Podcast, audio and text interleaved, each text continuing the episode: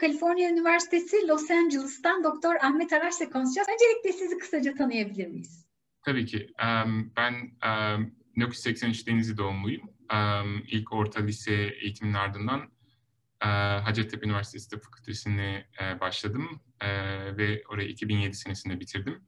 Sonrasında 2007'den 2013'e kadar Stanford Üniversitesi'nde postdoc araştırmacı olarak çalıştım. O dönemde araştırmam daha çok hani temel bilim ve neuroscience temel bilim üzerineydi. Sonrasında 2013-2017 arasında nöroloji alanında uzmanlık eğitimi için University of California Üniversitesi Los Angeles'a geldim.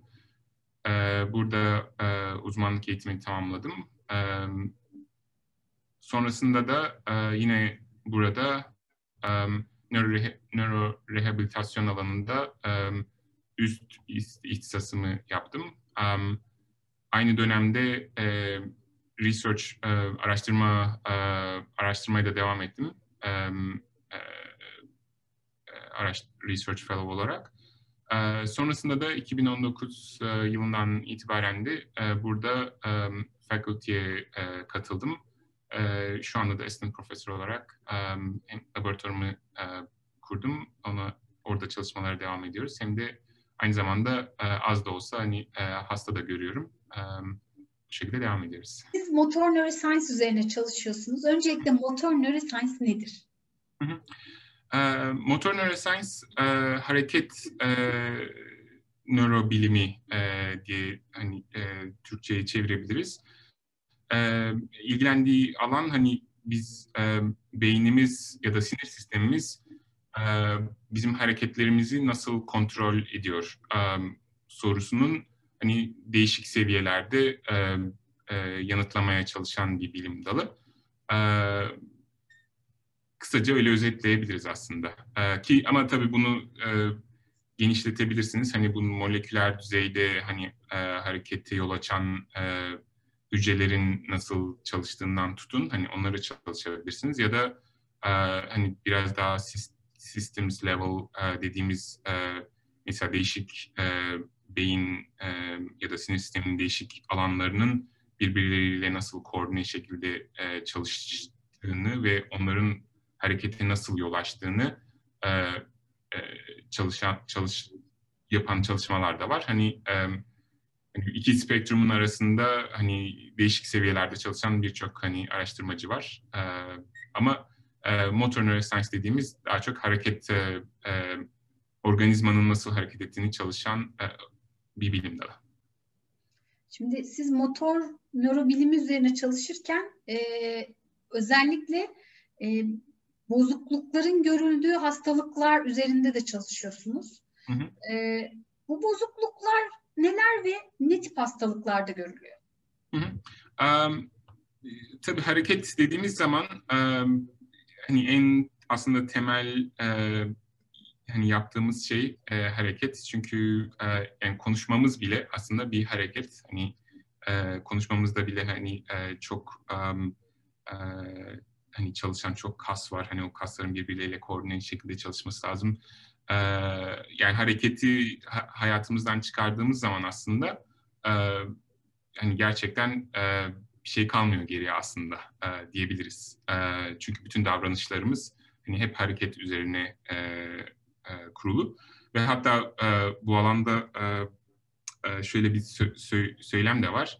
E, beyin sistemi ya da beyin e, ya da e, beynimiz e, organizmayı hareket ettirmek için hani evrimleştiği e, e, diye bir söylem de var. Katılan var, katılmayan var tabii ona. Çünkü e, e, eğer hareket etmeseydik beynimize ihtiyaç yoktu. E, sonucu çıkıyor oradan ki böyle organizmalar da var. Mesela e, deniz hıyarı var. E, hareket eder eder ama mesela bir yer bulduğu zaman kendini sabitler. Sonra kendi beynini yer falan çünkü ihtiyacı yok ona. Um, hani öyle değişik organizmalar var. O yüzden öyle hani e, söylemler de var hani alanda. E, o yüzden hareket e, çok önemli e, e, bir şey e, bütün organizmalar için.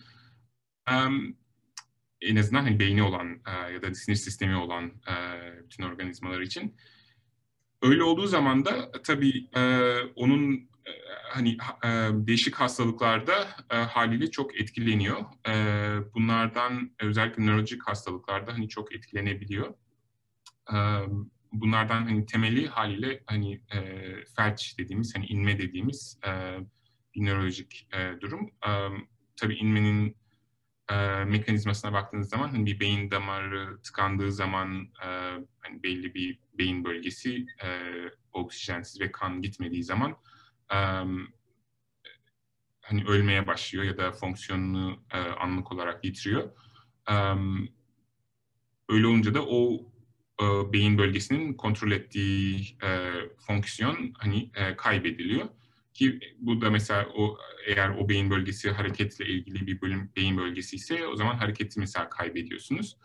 Um, ama ondan sonra onun mesela bir iyileşme süreci var. Hani o e, beyin bölgesi hani tamamen hani kaybedilse bile ölmüş olsa bile diğer başka beyin bölgeleri e, zamanla e, o beyin bölgesinin hani fonksiyonunu e, yerine getirip kısmi olarak da olsa yerine getirebilecek hale gelebiliyor. E, hani o iyileşme süreci de hani çok önemli oluyor bu e, hareket e, açısından. Tabii aynı zamanda başka hastalıklar da var. Mesela Parkinson hastalığı var, e, Huntington hastalığı var. Um, hani birçok aslında genetik hani ataksiya dediğimiz e, e, e, hastalıklar var. E, aslında nörolojik hastalıklara baktığımız zaman e, bu hareketin etkilenmediği e, bir hastalık hemen hemen yok gibi. E, yani e, hani yüksek kognitif fonksiyonları mesela Alzheimer hastalarına bile baksanız onların da e, hareketlerinin aslında çok da iyi olmadığını göreceksiniz falan. E, yani hemen hemen aslında evet e, nörolojik hastalıkların e, hareketi etkilemeyen kısmı hemen hemen yok gibi eğer hani o gözlükle bakarsanız.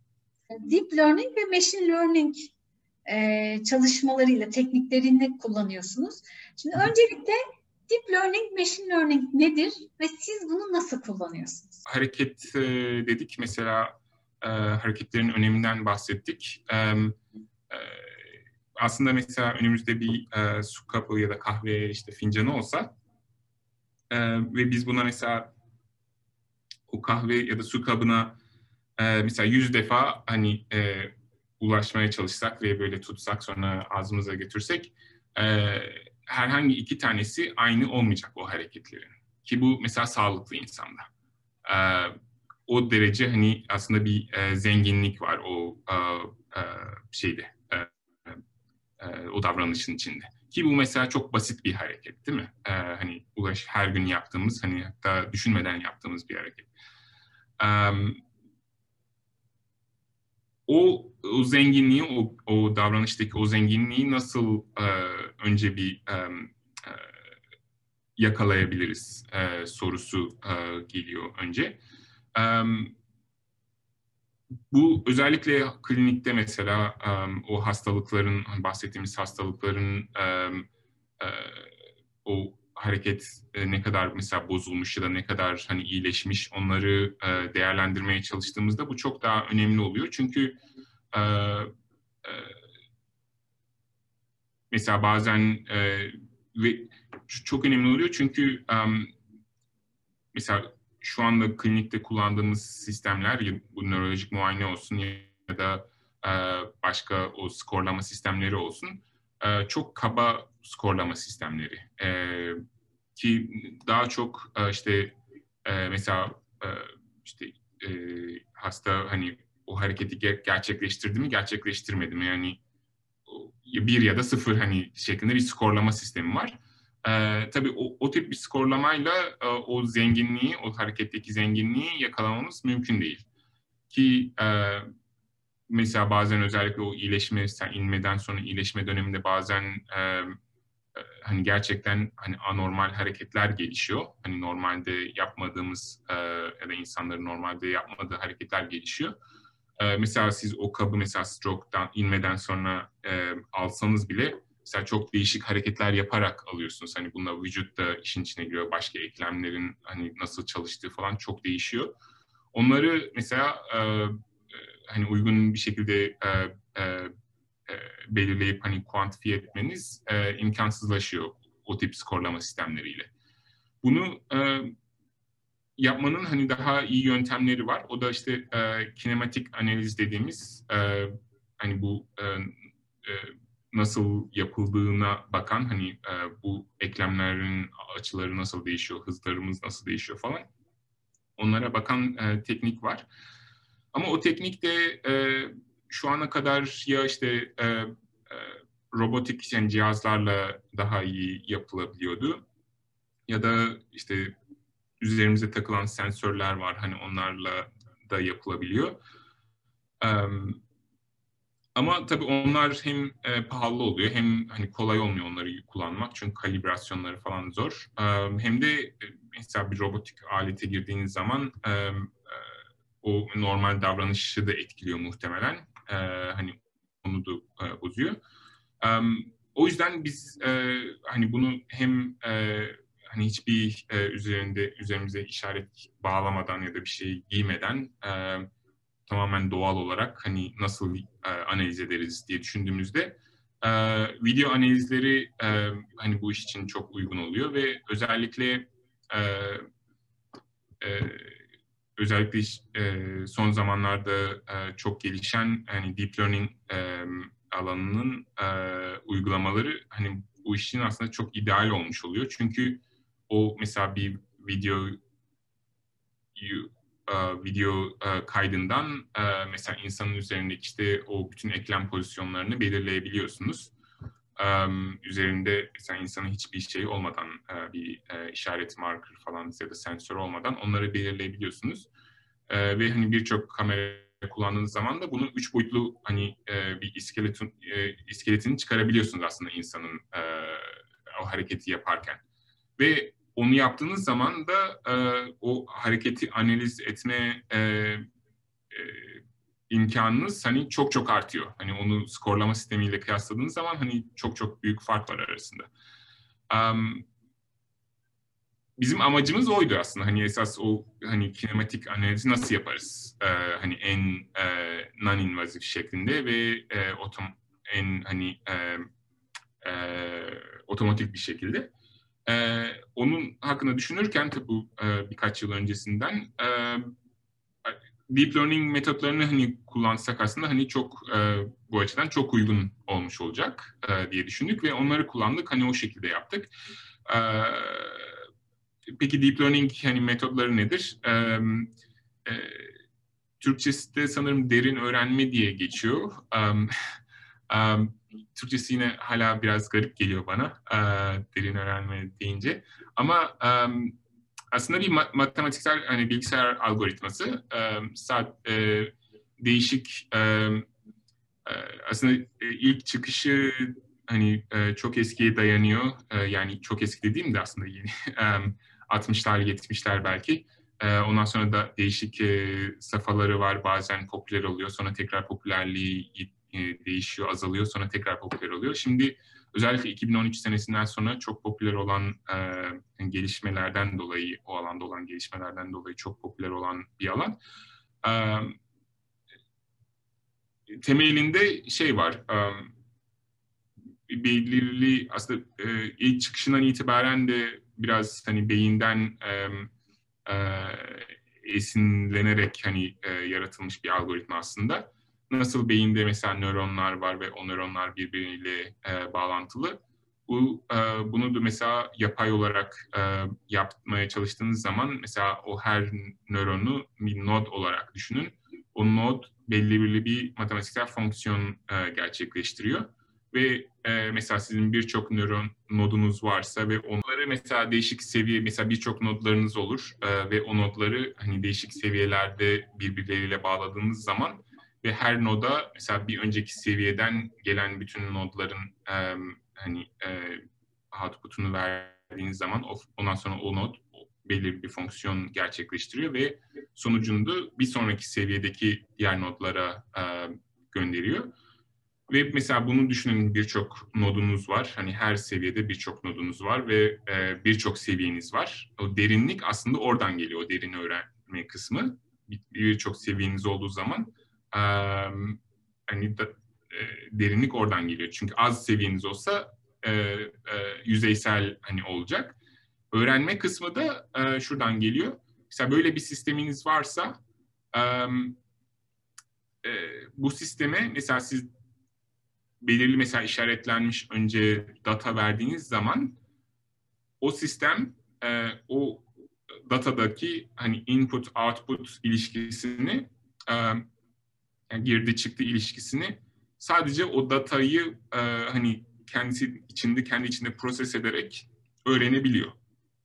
Şimdi dediniz ya hani dip kısmı işte beyindeki nöronlar gibi düşüneceğiz. O, onları yazıyorsunuz. Learning'de e, yanlış söylemiyorum sanırım. İşte bu, bu şeyi öğreniyor. Peki siz bu algoritmayı yazarken e, neye göre yazdınız? Yani e, hani hastalardan örnek alıp davranışları hani video ile çekiyoruz dediniz ya orada bir hasta modeli vardı da onun videosunu çekip de mi bir algoritma geliştirdiniz yoksa e, zaten olan bir algoritmayı buna mı uyarladınız? Ee, aslında daha çok ikincisi olan e, birçok algoritma var. E, şu an için özellikle mesela insanlarda çalışanın birçok algoritma var. Biz bunu e, insanlara e, uyguladık. Aslında ilk çıkış kısmı bizim faredeki çalışmalarımızdan biz yine e, temel e, araştırma yaparken e,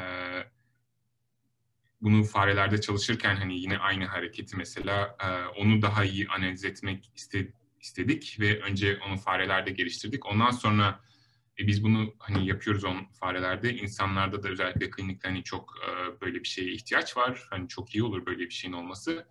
İnsanlarda da yapılabilir mi aslında bir düşünüp hani ondan sonra insanlarda geliştirdiğimiz bir şey yoksa ilk olarak insanlardan geliştirdiğimiz bir şey değil. Peki bu farelerde ne gibi bir sonuç elde ettiniz de insanlara geçtiniz? Um, bu uh, hareketleri daha iyi e, e, analiz edebilme imkanımız oldu. E, mesela e, farelerde de çalıştığımız şey mesela fare küçük bir e, e, e, mesela yem taneciğine ulaş, e, eliyle ulaşırken ulaşıp hani onu alıp e, hani yer yerken e, mesela onu videoyla e, kaydettiğiniz zaman o o hareketi nasıl yapıyor fare e, diye hani e, diye sorup hani onu analiz etmek istediğiniz zaman e, bu tip bir yöntem hani e, size çok detaylı bir analiz e, imkanı sağlıyor. E, kim yani o, o çıkış noktası oydu. E, sonra da tabii klinikte mesela hasta gördüğünüz zaman e, o hastaların o bozuk özellikle mesela inme, iyileşme sürecinde, inme sonrası iyileşme sürecinde o hastaların e, ne kadar hani bozuk hareketler yaptığını e, e, hani kuantifiye etmek istediğiniz zaman e, hani bu tip bir yöntem çok e, uygun ve yararlı oluyor aslında. E, e, hani size çok daha detaylı bilgi veriyor. E, hani hastanın ya da işte o hareketin nasıl olduğu ile ilgili e, çıkış noktası orası. Şimdi deep learning dışında bir de machine learning tekniklerini de kullanıyorsunuz. Aha. Bunu nasıl kullandınız? Uh, machine learning uh, kısmı uh, uh, şu şekilde uh, aslında machine learning tekniklerine baktığınız zaman um, uh, hani Türkçe'de sanırım makine öğrenmesi olarak geçiyor. Yine biraz garip geliyor kulağa. Ama um, değişik uh, e, versiyonları var, değişik yöntemleri var. E, bizim hani en çok e, e, kullandığımız o alandaki tekniklerin olduğu grup e, unsupervised learning dediğimiz e, hani biz herhangi bir e, e, o input output ilişkisi vermeden e, o mesela belli bir datanız var. O datanın içinde de e, kendine kendi içinde olan bir e, e, yapısı var, hani structure'ı var e, ve siz onu e, keşfetmek istiyorsunuz. Hani onu bulmaya çalışıyorsunuz. Mesela değişik paternler var mesela. O paternleri birbirleriyle e, hani e, e, eşleştirmeye çalışıyorsunuz. E, o o açıdan kullandığımız e, bir teknik. E, o da hani şu şekilde avantajlı oluyor. E, özellikle hani e, çok avantajlı olduğu e, e, e zamanlar hani machine learning'in e, özellikle mesela çok datanız varsa e, o hani çok fazla datayı hani nasıl proses edebilirsiniz, nasıl hani e, anlamlı bir hale getirebilirsiniz ya da oradaki e, anlamlı bir şey varsa içinde onu nasıl hani çözebilirsiniz. E, o o o açıdan hani çok yardımcı olan hani çok e, güzel teknikler var içinde. E, biz de mesela e, bu şekilde hani o üç boyutlu kinematik datayı aldığımız zaman hani e, hala çok fazla data var. E, o datayı hani nasıl anlamlı bir şekilde analiz edebiliriz e, diye düşündüğünüz zaman o machine learning e, teknikleri hani çok faydalı oluyor. Ve o şekilde e, e, hem e, e, hani düşünemediğiniz, daha önceden düşünemediğiniz e, mesela paternleri e, ya da o data içindeki yapıları falan e, bulabilirsiniz hani o yöntemleri kullanarak. E, biz de onları yapmaya çalışıyoruz. Şimdi siz bunları önce farelerde yaptınız. Şimdi Hı-hı. insanlarda çalışmaya başladınız. Kliniğe yönelik çalışmalarınızdan da biraz söz edelim mi? Bu yaptığınız Hı. çalışmalar insanlarda ne gibi değişikliklere yol açacak tedavi açısından? Evet, um, öncelik tabii e, e, insanlarda tedaviye başlamadan önce e, önce biraz daha tanısal e, açıdan e, yardımcı olabileceğini e, düşünüyoruz. E, çünkü e, yani öncelikle amaç hani o hareketleri anlamak. E, mesela beynimiz ya sinir sistemimiz o hareketleri nasıl gerçekleştiriyor onu anlamak. Um, ve mesela bu hastalık durumunda da bu hareketler hani nasıl değişiyor um, onu anlamak ve mesela inme sonrasındaki iyileşme sürecinde de o hareketler nasıl hani geriye dönüyor uh, ve bunu hani geriye döndürmek için bir sonraki e, aşamada neler yapılabilir? Hani onlara e, hani e, ulaşmak en sonunda. Ama oraya gelmeden önce önce bizim bu hareketi anlamamız lazım. Hani nasıl beynimiz ya da sinir sistemimiz bu hareketleri nasıl yapıyor onu anlamamız lazım. Klinikte de e, hani aslında biz temel olarak hani e, e, laboratuvarda hani e, daha çok hani basic science e, araştırması yapıyoruz. E, ama klinikteki uygulaması e, hani biraz aslında çekici geliyor ve e, e, oradaki çalışmalar da şimdi e, başladı.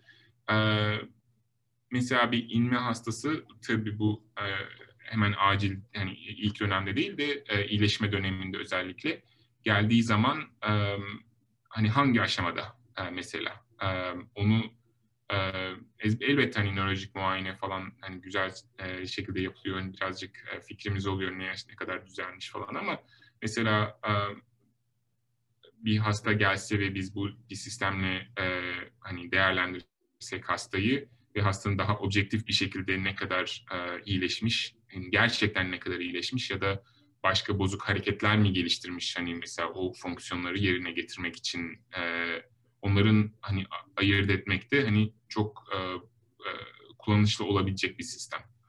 E, ya da mesela bir işte atıyorum Parkinson hastası gelmiş.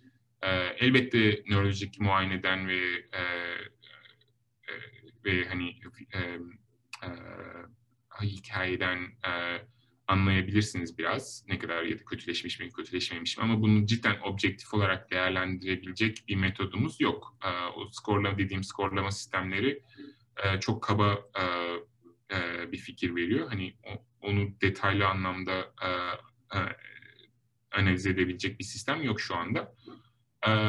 Bu tip sistemler ve araştırmalar hani o açılardan hani kapıyı açan bir e, e, yöntem aslında e, ve hani çok e, e, önemli fırsatların olduğu bir e, alan.